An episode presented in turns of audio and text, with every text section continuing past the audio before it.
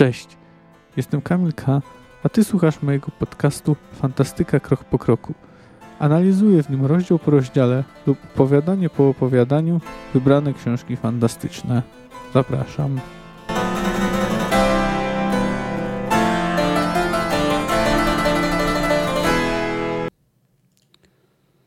Cohen? Aha. Ciągle jestem za mało szybka. Jesteś bardzo szybka. Czy będę kiedyś tak szybka jak ty? Wątpię. Hmm, no tak. A czy ty? Kto jest najlepszym szermierzem na świecie? Nie mam pojęcia. Nigdy nie znałeś takiego? Znałem wielu, którzy się za takich uważali. Ha! Kim byli? Jak się nazywali? Co potrafili? Wolnego, wolnego, dziewczyno. Nie znam odpowiedzi na te pytania. Czy to takie ważne? Pewnie, że ważne. Chciałbym wiedzieć, kim tacy szermierze są. I gdzie tacy są. Gdzie są, to ja wiem. Ha! Więc gdzie? Na cmentarzach. Witam Was serdecznie po świątecznej przerwie. Myślałem, że może spróbuję wrzucić jakiś odcinek, jeśli nie w Wigilię, to na przykład w poniedziałek poświąteczny, no ale z różnych względów nie udało mi się nagrać. Mam nadzieję, że wypoczęliście trochę przez święta. Ja trochę tak, trochę nie. No ale teraz przejdźmy do rzeczy. Dziś będziemy śledzić przebieg treningu Siri w KR Moren. Dziewczyna będzie się również uczyć, jak nakładać makijaż. A także dowiemy się trochę o tym, co przeżyła Tris pod, pod Soden. Poznamy także światopogląd czarodziejki i wiedźminów. No a Ciri po raz kolejny zapadnie w trans. Rozdział rozpoczyna się od rozmowy y, Tris z Wiedźminami. Jest noc przesilenia zimowego. Aktywność magiczna jest y, wtedy o wiele większa niż zwykle. Wiedźmini są niespokojne, a i Tris czuje magię pulsującą w powietrzu. Rozmawiałem o Ciri i o obowach Wiedźminów związanych z tym, co może się stać, jeśli Tris poinformuje o dziewczynce e, kapitułę i radę czarodziejów. Ona deklaruje, że nic nie powie. Potem Lambert kwestionuje magiczne zdolności Ciri, demonstrując działanie znaku art i stwierdzając, że Ciri nie potrafi rzucić nawet e, tego, nawet takiego prostego znaku, do którego wystarczy minimum zdolności. Ale czarodziejka wyjaśnia, że źródło, jakim według niej jest Ciri, nie kontroluje swoich umiejętności. One mogą ujawnić się w dowolnym momencie w sposób niekontrolowany i bardzo niebezpieczny, zarówno dla źródła, jak i dla otoczenia. Lambert próbuje deprecjonować jej słowa, ale Geralt przypomina, że był świadkiem ujawnienia się zdolności Pawetty. Przy okazji mówi jej, żeby przestał nazywać Tris Merigold, bo ona bardzo tego nie lubi. Ciri i Cohen nie biorą udziału w dyskusji. Grają w łapki. Wesemir zdradza, że Wiedźmini byli świadkami jakiegoś objawienia się zdolności Ciri, ale nie rozwija się na ten temat. Nie mówi nic konkretnego. W końcu Lambert daje Tris do wypicia jeden z wiedźmińskich eliksirów. Białą mewę. Ma to jej ułatwić zrozumienie. Jak on to określa. Biała mewa to bardzo łagodny środek. Według Geralta ma tylko naturalne składniki, natomiast y, najwyraźniej nie ma on ochoty y, tłumaczyć, czego się składa. Czarodziejce nie udaje się rozpoznać żadnego ze składników eliksiru. Tris domyśla się, co, do czego doszło. Ciri napiła się mewy i zaczęła mówić, y, chociaż było to niezrozumiałe. Zdarzyło się to także drugi i trzeci raz.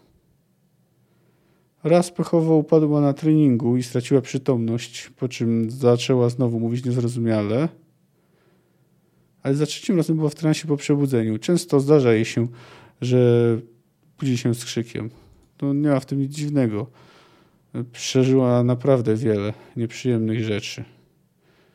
Ale wtedy, gdy mówiła, wywróżyła śmierć. Geraltowi i Koenowi. Do stołu podchodzi Koen niosący Ciri na barana. Tris daje jej do wypicia swój kielich, w którym wciąż jest biała mewa. Dziewczynka wpada w trans. Y, Tris za pomocą magii nawiązuje z nią kontakt. Jest mewą, czy tak jej się wydaje, lecą w stadzie. Słyszy wołanie Ciri, ale nie może zlokalizować dziewczynki. Widzi jakieś wzgórze. Wydaje się, że to wzgórze pod Soden. Wydaje jej się, że widzi też szereg postaci, z których niektóre poznaje. To właśnie ci, co zginęli pod Soden. Widzi też Ciri stojącą, yy, widzi też Ciri obróconą do niej plecami. Obydwie stoją nad krawędzią przepaści, yy, z której w dół prowadzą długie schody. Ciri mówi hasłami, mówi coś o róży z Charlotte, o krwi elfów oraz Istanu. Potem wspomina rycerza ze skrzydłami na hełmie. Głos dziewczynki się zmienia. Staje się metaliczny, zły. Tris próbuje zidentyfikować jego właściciela za pomocą magii, ale każda zasłona, jaką odkrywa, kryje za sobą kolejną. Głos oznajmia, że Ciri to nie jest dziecko, tylko biały płomień, od którego zajmie się ogniem cały świat. Potem głos odsyła Tris. Znów jest mewą. Ciri woła do niej, by zapomniała o Geralcie, by go nie torturowała. Gdy się budzi, jest w łóżku. Geralt jest przy niej. Informuje ją, że Ciri te śpi. Tris pyta się Wiedźmina, czy mówiły coś w transie. Czarodziejka nie, ale Ciri powiedziała w starszej mowie słowa coś się kończy. W tej sytuacji Tris przyznaje, że ta sprawa jest zbyt skomplikowana, zbyt trudna, że ona nie jest w stanie się sobie z nią poradzić. Mówi Geraltowi, żeby zwrócił się do Yennefer. Bo to, co próbuje władnąć Ciri jest niezwykle niebezpieczne. Obiecuje też zostanie w Kaer Morhen do wiosny, potem oboje zawiozą dziewczynkę do Elander, a Geralt wtedy napisze list do Yennefer.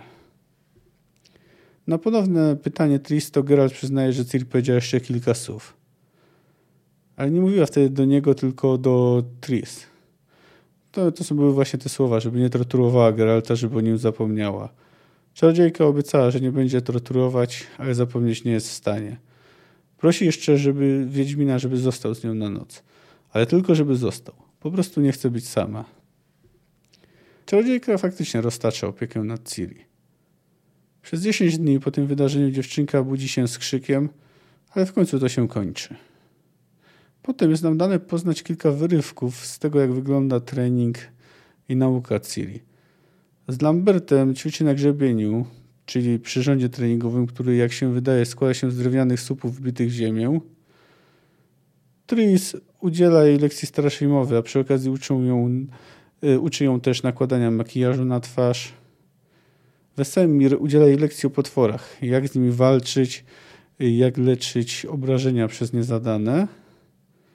Z Coenem ćwiczy z, z szermierkiem, a z Geraltem na wahadle. Y, na wahadłach są to zawieszone bale. Generalnie ćwiczenie polega na tym, aby unikać ciosów przeciwników i kontrować, y, trafiać y, w worek, który znajduje się za wahadłami. Czas płynie dalej, w końcu nadchodzi połowa lutego. Tris i Wiedźmini rozmawiają, siedzą po raz kolejny przy stole. Tris wcześniej wielokrotnie próbowała rozmawiać z nimi na tematy bieżące, politykę, ale ich świadomie unikali. Tym razem jednak Eskel pyta ją, czy, jest, czy dojdzie do wojny, czy nie szykuje się, jaka, jak on to mówi, awantura. No, dyskusja robi się coraz gorętsza, ponieważ Tris jest oburzona obojętnością Wiedźminów. Przywołuje, co się działo z nią na wzgórzu i deklaruje twardo, że jeśli będzie trzeba, to stanie na nim ponownie. Do dyskusji włącza się Ciri, która nagle się pojawiła. Oświadcza, że ona stanie tam obok niej. Mówi, że uczy się walki, żeby zemścić się na rycerzu w hełmie ze skrzydłami.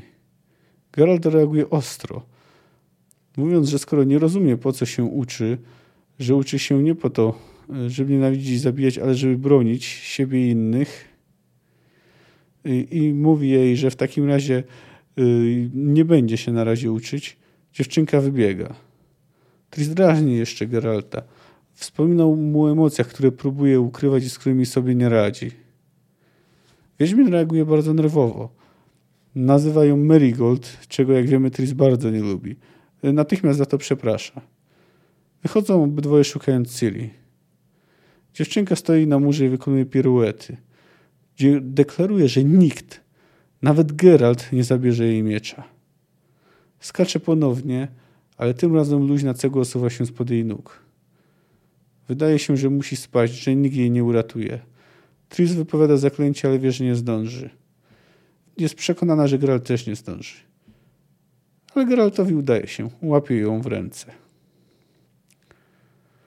Wiosna się zbliża. Czas, by wyjechali do Ellander. Bardzo lubię ten rozdział. Czytałem go ponownie z dużą przyjemnością. Za jego najsłabszy element uważam może jednocześnie ten, który z pewnego punktu widzenia jest najważniejszy, czyli przepowiednie. No jest ona na tyle z jednej strony ogólna, te słowa o białym płomieniu, o tym, że od Ciri ma spłonąć cały świat, a z drugiej strony na tyle szczegółowa, ale dotyczy tego, co zdarzy się zaraz później w książce, że w sumie nie wnosi tak bardzo dużo, jakby mogło się wydawać. Natomiast interakcje Ciri z Wiedźminami i Tris są naprawdę świetnie napisane. Ale nim jednak zajmę się przepowiedniami i tymi właśnie rozmowami, treningiem Ciri, to chcę jeszcze kilka słów poświęcić cytatowi, który poprzedza właściwą treść rozdziału. Tym razem został przytoczony manuskrypt autorstwa Carly Demeti Crest, który jest do jedynie do wglądu kapituły czarodziejów i jest zatytułowany Próba traw i inne tajne wiedźmińskie praktyki własnymi oczyma oglądane. Swoją drogą, Karol Demetia Crest to jedna z najsławniejszych czarodziejów historii. Jest to chyba najbardziej konkretny opis wiedźmińskich mutacji, jaki spotkamy, ale znowu też nie poznamy dużej ilości szczegółów. Tak czy owak przytoczę go w całości, bo uważam, że jest interesujący. Na trzeci dzień zmarły wszystkie dzieci kromie jednego. Otroka lat zaledwie dziesięciu. Ten, dotąd miotany gwałtownym obłąkaniem, wpadł był nagle w głębokie odurzenie. Oczy jego miały wzrok szklany, chwytał bez ustanku rękami nakrycie lub wodził nimi w powietrzu, jak gdyby pióra chciał łapać. Oddech stał się głośny i chrapliwy. Podzimny, klejki i smrodliwy wystąpił na skórę. Wtedy znowu mu eliksir podano do żył i atak się powtórzył.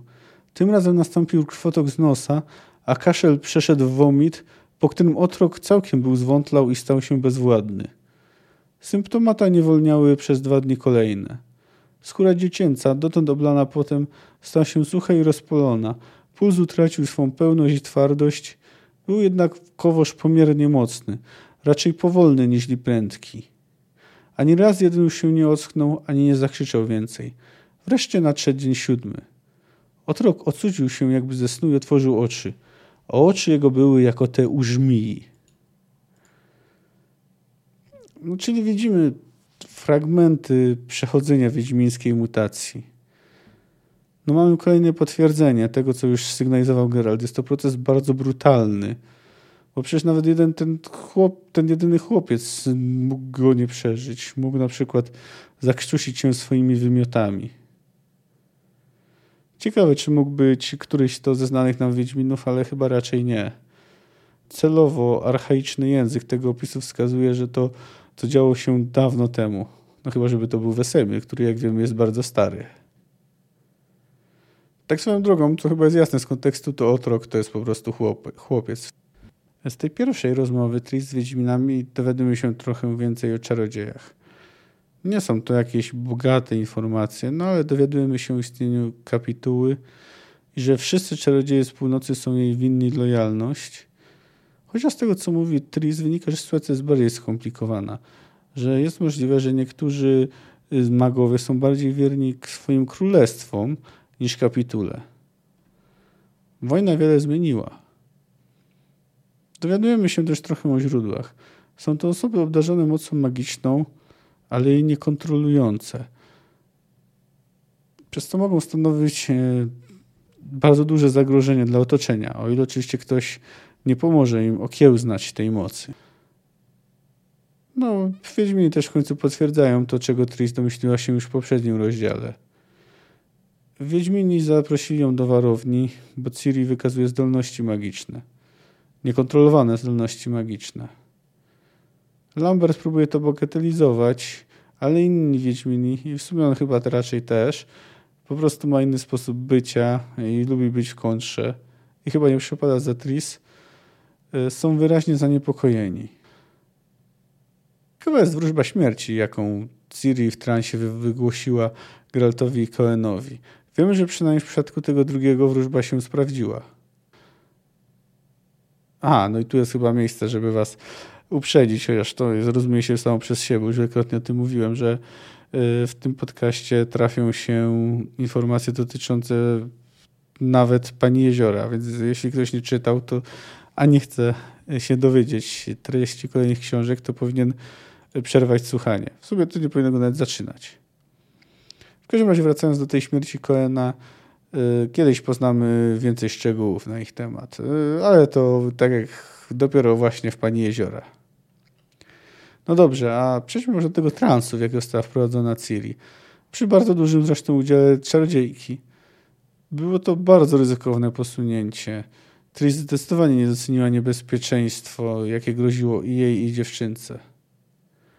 No z drugiej strony z pewnością to, że ten głos nazywam 14 ze wzgórza dawał jej dodatkową motywację. Sprawiał, że, że ta sprawa stawała się dla niej sprawą osobistą. Wizja, jaką widzi Tris, jest jak to zazwyczaj magiczne wizje, dość chaotyczna i nie w pełni zrozumiała. No, przybranie postaci Mewy wyjaśnić jest łatwo, było po prostu związane z nazwą eliksiru, jaki wypiła. Co z tym, co mówi?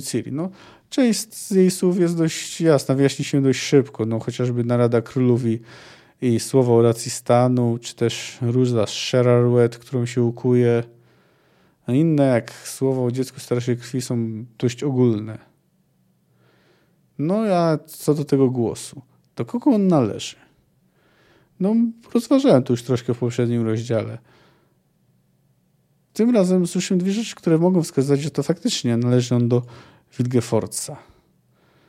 Po pierwsze, słowo o myleniu nieba z gwiazdami odbytymi nocą na powierzchni stawu. To jest jedno z ulubionych powiedzeń Wilgefortza, chociaż to można uznać, że jest ono powszechnie używane. A może nie powszechnie, ale że nie tylko on je zna. No i dość ciekawe jest to, że tytułuje 14. Wilgefortz był pod Soden no to oczywiście nie jest żaden decydujący dowód. Można wobec tej teorii wnieść szereg zastrzeżeń. Część z nich wniosłem w, w, w poprzednim odcinku. Dlaczego Geralt nie zwrócił się do Yennefer? No jak się wydaje, ostatni raz widzieli się podczas Belletain. Nie było to spotkanie szczęśliwe, ale też nie było między nimi wrogości. Tris wspominał żalu i zawziętości. Może faktycznie Wiedźmin czuje żal do Yennefer, że była zbyt zaborcza, że nie chciała się zbytnio dla niego zmienić i że nie chciała spróbować jeszcze raz. Ale może po prostu boi się ją zobaczyć. Boi się, że wtedy przypomni sobie o bólu, y, jaki czuje. Jest jedna rzecz, która dobrze świadczy o Tris. To, że przyznaje, że nie jest w stanie dać sobie rady i mówi Wiedźminowi, by y, wezwał na pomoc Yennefer. Musi to być dla niej upokarzające, bo jest dość oczywiste, że marzy o tym, by to ona była w związku z Wiedźminem wręcz desperacko o tym marzy. Mówiłem już, że bardzo lubię fragmenty opisujące tre trening Ciri. Jest tak z kilku powodów. Po pierwsze, dowiadujemy się, w jaki sposób Ciri zdobyła umiejętności, które będzie później prezentować. Oczywiście nie jest najlepszą wojowniczką na świecie, daleko jej do tego, ale z pewnością może być groźna. Oczywiście wiedzieliśmy już trochę o treningu w poprzednim rozdziale. Obserwowaliśmy, jak biegnie po mordowni. Dowiedzieliśmy się też, że jej ciało jest y, pokryte siniakami, ale tu mamy bardziej konkretne przykłady, jak przebiega trening. Przy okazji dowiadujemy się też trochę o Wiedźminach, o ich relacjach z Ciri i jak interwencja Tris na nie wpłynęła, jak je zmieniła. No poza tym są naprawdę świetnie napisane. Cytat z Coena, który przeczytałem na początku, to w ogóle jeden z moich cytat, ulubionych cytatów z tej książki. To, że ci, tych, co uważali się za najlepszych szermierzy, to spotyka się na cmentarzach. Swoją drogą ten cytat został wykorzystany w serialu Netflixa, ale no jak to niestety mają scenarzyści Netflixa zwyczaju zmarnowali no, jego potencjał. No dobrze, no ale jak poszczególni Wiedźmini wypadają w interakcjach z Ciri? Lambert jest złośliwy, chociaż trochę mniej niż w scenie z poprzedniego rozdziału. Traktuje Ciri nieco łagodnie i zdobywa się też na pochwałę, gdy Ciri zrobi coś dobrze. Oczywiście dodaje, że dobrze jak na dziewczynę, no ale zawsze. Wesemir jest wobec Ciri bardzo życzliwy.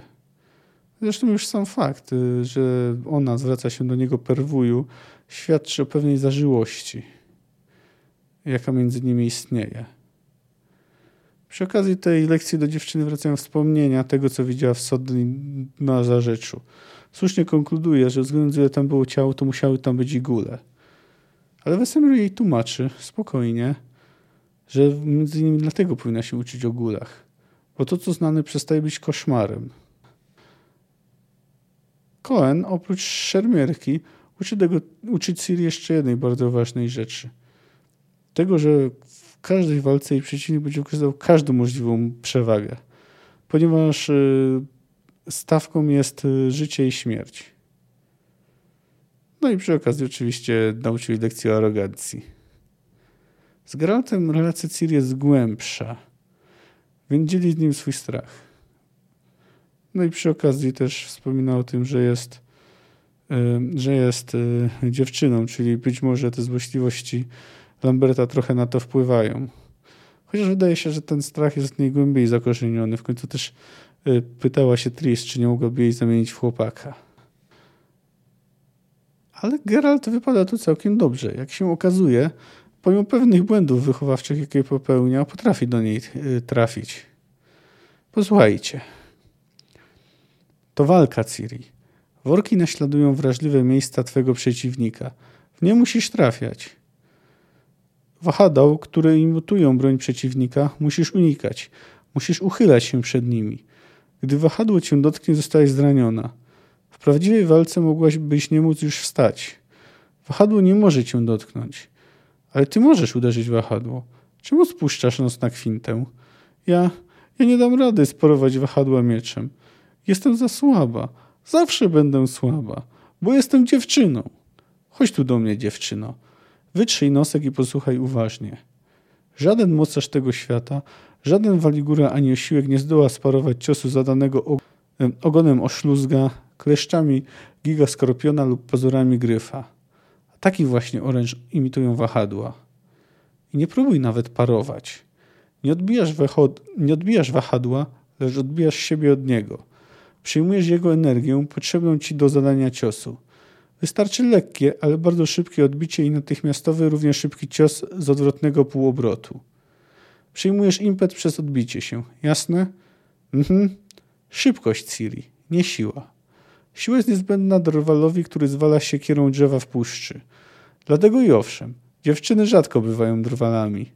Pojęłaś w czymś rzecz? Mhm. Rozhuśtaj wahadła. Odpocznij przedtem. Nie jestem zmęczona. Wiesz już jak?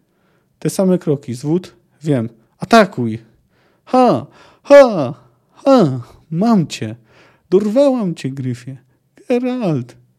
Widziałeś? Nie krzycz. Kontroluj oddech. Zrobiłam to. Naprawdę to zrobiłam. Pochwal mnie, Geralt. Brawo, Ciri. Brawo, dziewczyno. No, widzimy więc, że Geralt potrafił trafić do Syrii, potrafił jej wytłumaczyć, dlaczego to nie jej płeć jest y, tutaj problemem. Świadomie pominąłem fragment Tris, wcześniej chcąc przedstawić relację Ciri z Wiedźminami, ale teraz czas poświęcić właśnie mm, jak się układa mm, znajomość Ciri i Czarodziejki. Generalnie układa się bardzo dobrze. Czarodziejka udziela dziewczynie lekcji starszej mowy, tutaj dowiadują się takie ciekawostki. Y, na wyspach Skellige mówi się językiem, który jest oparty na języku elfów, y, starszej mowie, ale to jest specyficzny żargon. Tris uczy też Ciri nakładania makijażu. Y, swoją drogą jest to sztuka, którą rzekomo opracowały elfki, więc jest to kolejna rzecz, którą ludzie pomimo nienawiści do elfów od nich zapożyczyły. No czy też raczej od elfek w tym przypadku. Poza tym y, Ciri i Tris spędzają też czas na sankach. Jak więc widać, faktycznie czarodziejka wydaje się wypełniać rolę starszej siostry. Została mi jeszcze do umówienia ostatnia rozmowa dotycząca polityki. Mówi się, że ludzie niezainteresowani polityką to ignoranci. Niektórzy twierdzą nawet, że wszystko jest polityką. Oczywiście da się takie stwierdzenie obronić, choć moim zdaniem jest to definicja, czy też raczej stwierdzenie zbyt szerokie. No i raczej utrudnia ona życie i współżycie z innymi ludźmi. No ale zostawmy to. Hmm. Zwłaszcza, że obojętność w przypadku Wiedźminów jest bardziej uzasadniona niż w przypadku przeciętnego człowieka. Oni naprawdę mogą pozwolić sobie na to, by lekceważyć konflikty zbrojne. Żyją w zamku, który jest bezpiecznie ukryty, a z nienawiścią ludzi i tak muszą się spotykać na co dzień podczas pracy. No jest też zrozumiałe, dlaczego to stanowisko jest nie do, zaakceptowania przez Tris. Tak ze względów pryncypialnych, jak i osobistych. Ta rozmowa jest bardzo ciekawa, charakterystyczna. Przytoczę z niej kilka cytatów. Najpierw zobaczmy na stanowisko Wiedźminów. Tutaj wyrażają je młodzi Wiedźmini, czyli Cohen i Lambert. Jesteśmy Wiedźminami, Tris. Czy nie rozumiesz tego? Co tu jest do rozumienia? Czarodziejka począsnęła kasztanową grzywą. Wszystko jest jasne i klarowne. Wybraliście określony stosunek do otaczającego was świata. To, że za moment ten świat może zacząć walić się w gruzy, mieści się w tym wyborze. W moim się nie mieści. To nas różni. Nie jestem pewien, czy tylko to. Świat wali się w gruzy, powtórzyła. Można się temu bezczynnie przyglądać. Można temu przeciwdziałać. Jak? uśmiechnął się drwiąco. Emocjami? Świat wali się w gruzy, powtórzył Cohen, kiwając głową w udanej zadumie. Ileż razy ja już to słyszałem. Ja też, wykrzywił się Lambert. I nie dziwota, bo to ostatnio popularne powiedzonko. Tak mówią królowie, gdy okazuje się, że do królowania niezbędna jest jednak odrobina rozumu. Tak mawiają kupcy, gdy chciwość i głupota doprowadzają ich do bankructwa. Tak mówią czarodzieje, gdy zaczynają tracić wpływ na politykę lub źródła dochodów. Adresat wypowiedzi powinien zaraz po niej oczekiwać jakiejś propozycji. Skróć więc wstęp, Tris, i złóż nam propozycję. Jak więc widać, podejście Wiedźminów do tematu jest mocno cyniczne. Starsi Wiedźmini, no po szczęściu mówiąc Geralta, milczą pewnie z grzeszności, no ale Lambert i Cohen nie mają takich hamulców. Nie wierząc, że wojna z Nilfgaardem to jak to próbuje im wytłumaczyć, to jest to inna wojna, bardziej brutalna. No przecież nawet jeśli świat wyłoniłby się inny, no to nawet na tym świecie z gruzów, o czym zresztą zaraz będzie mówił Geralt, też można dalej walczyć z potworami je zabijać. Chociaż Tris też ma trochę racji, bo już wiemy to z opisu Jaskra, że to jest zupełnie inna wojna, że Nilfgaard stosuje taktykę, jaką podczas innych wojen nie stosowano. No dobrze, ale posłuchajmy, poznajmy teraz może podejście Geralta. Tris, białowłosy wiedźmin znowu spojrzał jej prosto w oczy. Czego ty ode mnie oczekujesz? Aktywnego udziału w walce o ocalenie walącego się gruzy świata? Mam zaciągnąć się do wojska, powstrzymać Nilfgaard? Powinienem, gdyby doszło do kolejnej bitwy o Soden, stanąć z tobą na wzgórzu ramię w ramię i bić się o wolność? Byłabym dumna, rzekła cicho opuszczając głowę. Byłabym dumna i szczęśliwa, walcząc u twojego boku. Wierzę, ale ja nie jestem na to dość szlachetny i nie dość mężny. I nie nadaję się na żołnierza i bohatera. Dojmujący strach przed bólem, przed kalectwem lub śmiercią nie jest jedynym powodem. Nie można zmusić żołnierza, by przestał się bać, ale można go wyposażyć w motywację, która pomoże mu przełamać strach. A ja takiej motywacji nie mam. Nie mogę umieć. Jestem wiedźminem, sztucznie stworzonym mutantem. Zabijam potwory. Za pieniądze. Bronię dzieci, gdy rodzice mi zapłacą. Jeśli zapłacą mi nilfgaardzcy rodzice, będą bronią nilfgaardzkich dzieci. A jeśli nawet świat legnie w gruzach, co nie wydaje mi się prawdopodobnym, będę zabijał potwory na gruzach świata, dopóty, dopóki jakiś potwór mnie nie zabije. To jest mój los, moja motywacja, moje życie i mój stosunek do świata. I nie ja go wybrałem. Zrobiono to za mnie. Jesteś rozgoryczony, stwierdziła nerwowo, szarpiąc pasemko włosów. Albo udajesz rozgoryczonego. Zapominasz, że cię znam. Nie odgrywaj przede mną nieczułego mutanta pozbawionego serca, skrupułów i własnej woli. A przyczyny rozgoryczenia odgaduję i rozumiem je. Przepowiednia Ciri, prawda?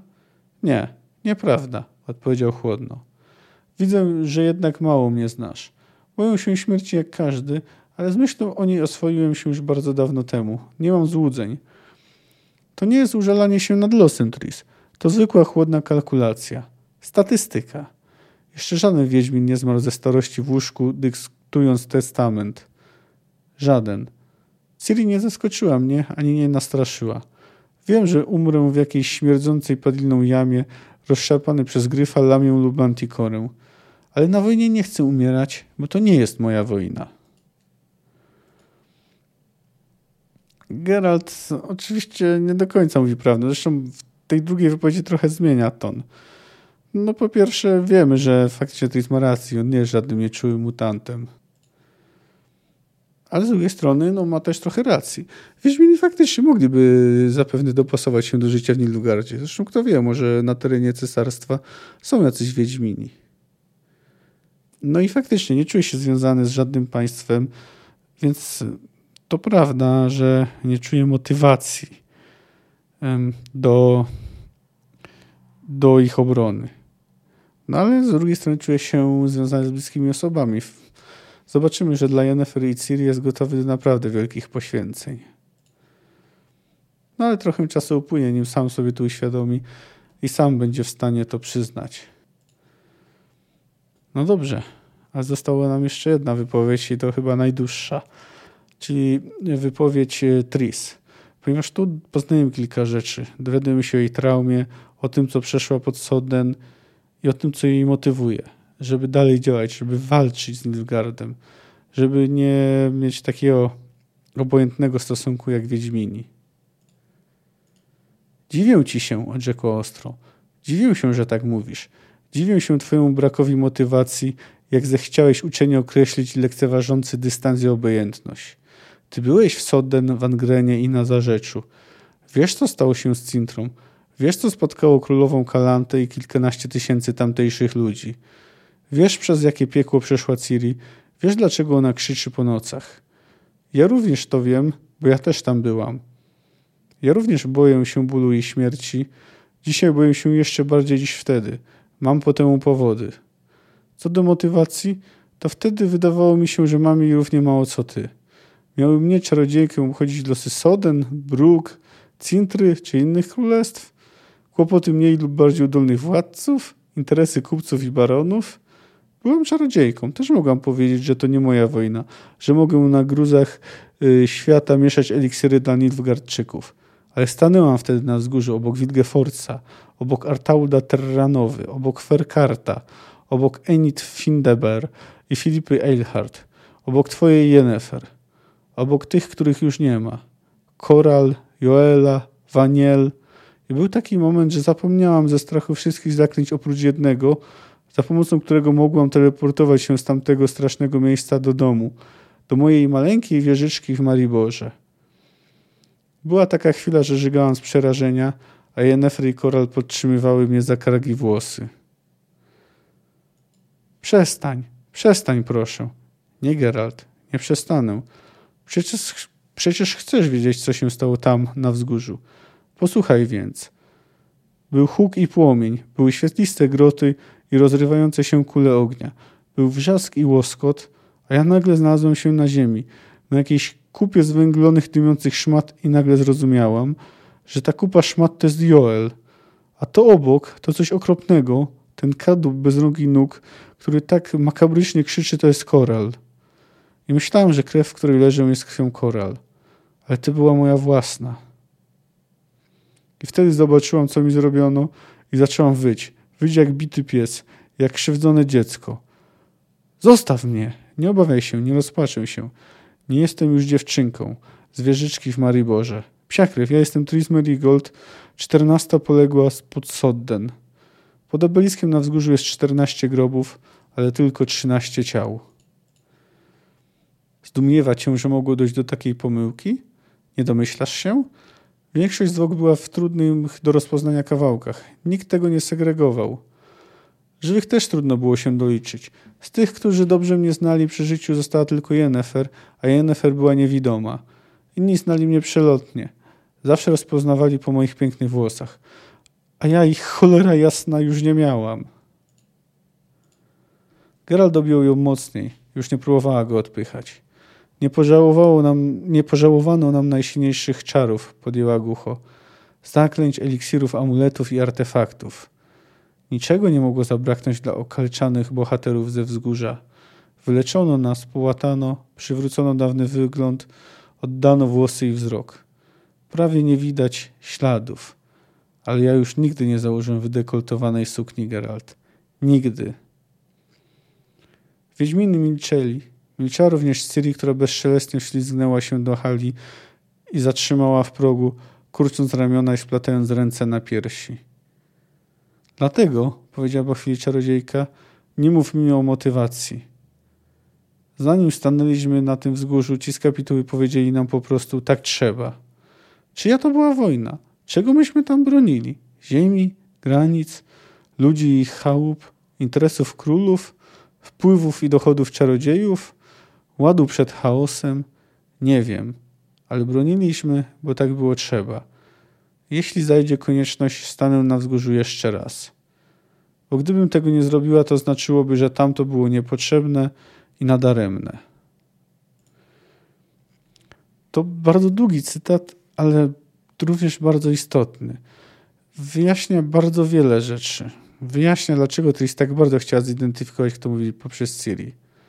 Dlatego, że ona wciąż ma traumę, nie tylko po tym, co stało się podczas bitwy, ale także o tym, co się stało po tym. O tym, że jej imię zostało wyryte na obelisku, że została poniekąd uczczona w śmierci za życia. No oczywiście nie tylko o to chodzi. Chodzi o utratę włosów, o strach, o rany. No, jak widzimy, ta trauma jest na tyle duża, że nigdy nie założy już sukni z dekoltem, jak deklaruje. No, w tym miejscu wypada pozdrowić twórców gier, y, gdzie Tris nie ucieka od sukni, które pokazują bardzo dużo. Rozumiem, że to wymogi medium.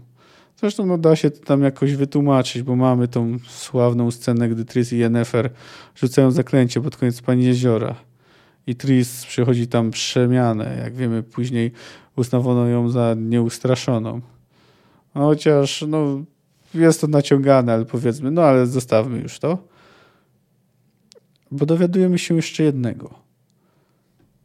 Tris poniosła na tej bitwie pod, na wzgórzu tak straszliwą ofiarę, że po prostu ona musiała mieć dla niej sens. Żeby była w stanie w miarę normalnie funkcjonować, to musiał wierzyć, że tamto poświęcenie miało sens, nawet jeśli nie potrafi aż tak jasno tego y, sensu określić. Bo gdyby tego sensu nie było, gdyby okazało się, że została ciężko ranna, że przeżyła te wszystkie straszne rzeczy dla niczego, to, to całe jej życie mogłoby się załamać. Może ona nawet bardziej chce przekonać do tego, że ta walka ma sens nie Wiedźminów, a siebie. No ale jednak nie tylko, ale jednak jej słowa na kogoś podziałały. Bo jak dowiemy się, znowu w Pani Jeziora, strasznie dużo rzeczy, które tu zostaną podjęte, znajdą rozwiązanie dopiero w ostatnim tomie sagi. W każdym razie, jak się dowiadujemy z Pani Jeziora, Cohen chwycił za broń i walczył przeciwko Nilfgaardowi w decydującej podczas drugiej inwazji bitwie pod Brenną. No i swoją drogą tam ginie, wypełniając y, proroctwo Ciri. Jeszcze jest kilka takich ciekawostek. Mamy to, że jak widzimy nie tylko Stregobor mieszkał w wieży, ale i Ciri miała swoją wieżę.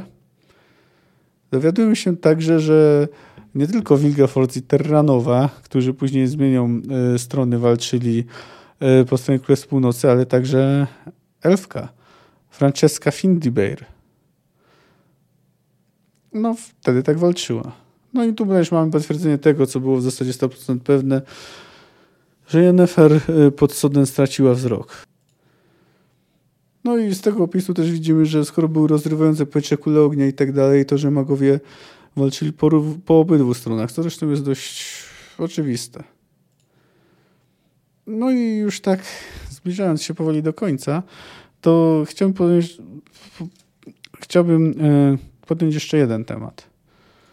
E, Ciri, po tym jak Tris e, zakończy tą swoją przemowę, mówi, że stanie obok niej na wzgórzu i że uczy się miecza po to, żeby zabić tego czarnego rycerza. I Geralt reaguje wobec dziewczynki zbyt ostro. Być może emocje buzowały w nim po przemowie Tris, gdy usłyszał jej, jak to strasznie cierpiała. A swoją drogą, a propos emocji, skoro mowa Tris działała na Koena, to oznacza, że chyba nie tylko jednak, to że nie tylko Geralt spośród Wiedźminów może odczuwać emocje. No ale wróćmy do rzeczy. Geralt zamiast tak ostro deklarując, że w takim razie przestanie ćwiczyć, po prostu powinien jej wytłumaczyć spokojnie, że zemsta jest bezcelowa i często jest zwyczajnie głupia. Zamiast tego doprowadza ją do płaczu i złości. To mogło się bardzo źle skończyć. Zresztą Wesemli słusznie e, zwraca e, mu na to uwagę, że niepotrzebnie tak ostro przemawiał. Zwłaszcza, że uczuciom jej trudno się dziwić. Wszyscy wiemy, chociaż nie mamy konkretnych wizji, że przeszła coś strasznego. No i czarny rycerz uosabia w jej oczach tę właśnie siłę, która zniszczyła jej życie w Cintrze, która sprawiła, że jej życie nigdy nie będzie w pełni normalne. Trudno się dziwić, że odczuwa do niego nienawiść. Geralt powinien wytłumaczyć, że powinna nad swoją nienawiścią zapanować. No ale jak wiemy, on wcale nie jest tak nieczułym mutantem, za jakiego chciałby uchodzić. No i też w wyniku kierując się emocjami popełnia błędy. Na całe szczęście yy, jednak mutantem jest, więc mógł uratować życie dziewczynce. Bog- rozdział dość bogaty w treść. Dowiadujemy się sporo ciekawych rzeczy. Dowiadujemy się też bardzo dużo na tym, poznajemy światopogląd Wiedźminów. Dowiadujemy się trochę o tym, jak wyglądał wiedźmiński trening, bo chyba możemy przyjąć, że trening Ciri, chociaż może nieco łatwiejszy niż y, byli poddawani chłopcy, to nadal jest, y, go przypomina. Być może przytoczyłem trochę za dużo cytatów, ale uznałem, że są jednak dość istotne. Po pierwsze, je bardzo lubię, bo one są dobrze napisane. Po drugie, udzielają naprawdę dużej dawki informacji. Uznałem, że są warte przytoczenia. Mam nadzieję, że Was nimi nie zanudziłem. Ten rozdział jest też niestety ostatnim, którego akcja toczy się w KR Moren. No ale z drugiej strony za tydzień spotkamy pewnego znajomego krasnoluda, więc nie ma tego złego, co by na dobre nie wyszło. No i tutaj już zbliżając się do końca, to życzę Wam wszystkiego dobrego w nowym roku. Oby był lepszy e, niż ten mijający. Podcast możecie znaleźć na Spotify, Stitcherze, e, SoundCloudzie, YouTubie, Apple Podcast, a także w innych miejscach, których pełną listę znajdziecie na stronie fantastykapokroku.blubry.net. Jeśli chcecie się tam jakoś ze mną skontaktować albo chcecie mnie śledzić na social mediach, no to możecie, yy, znajdziecie mnie na Instagramie i Twitterze jako Fantastyka Krok po Kroku.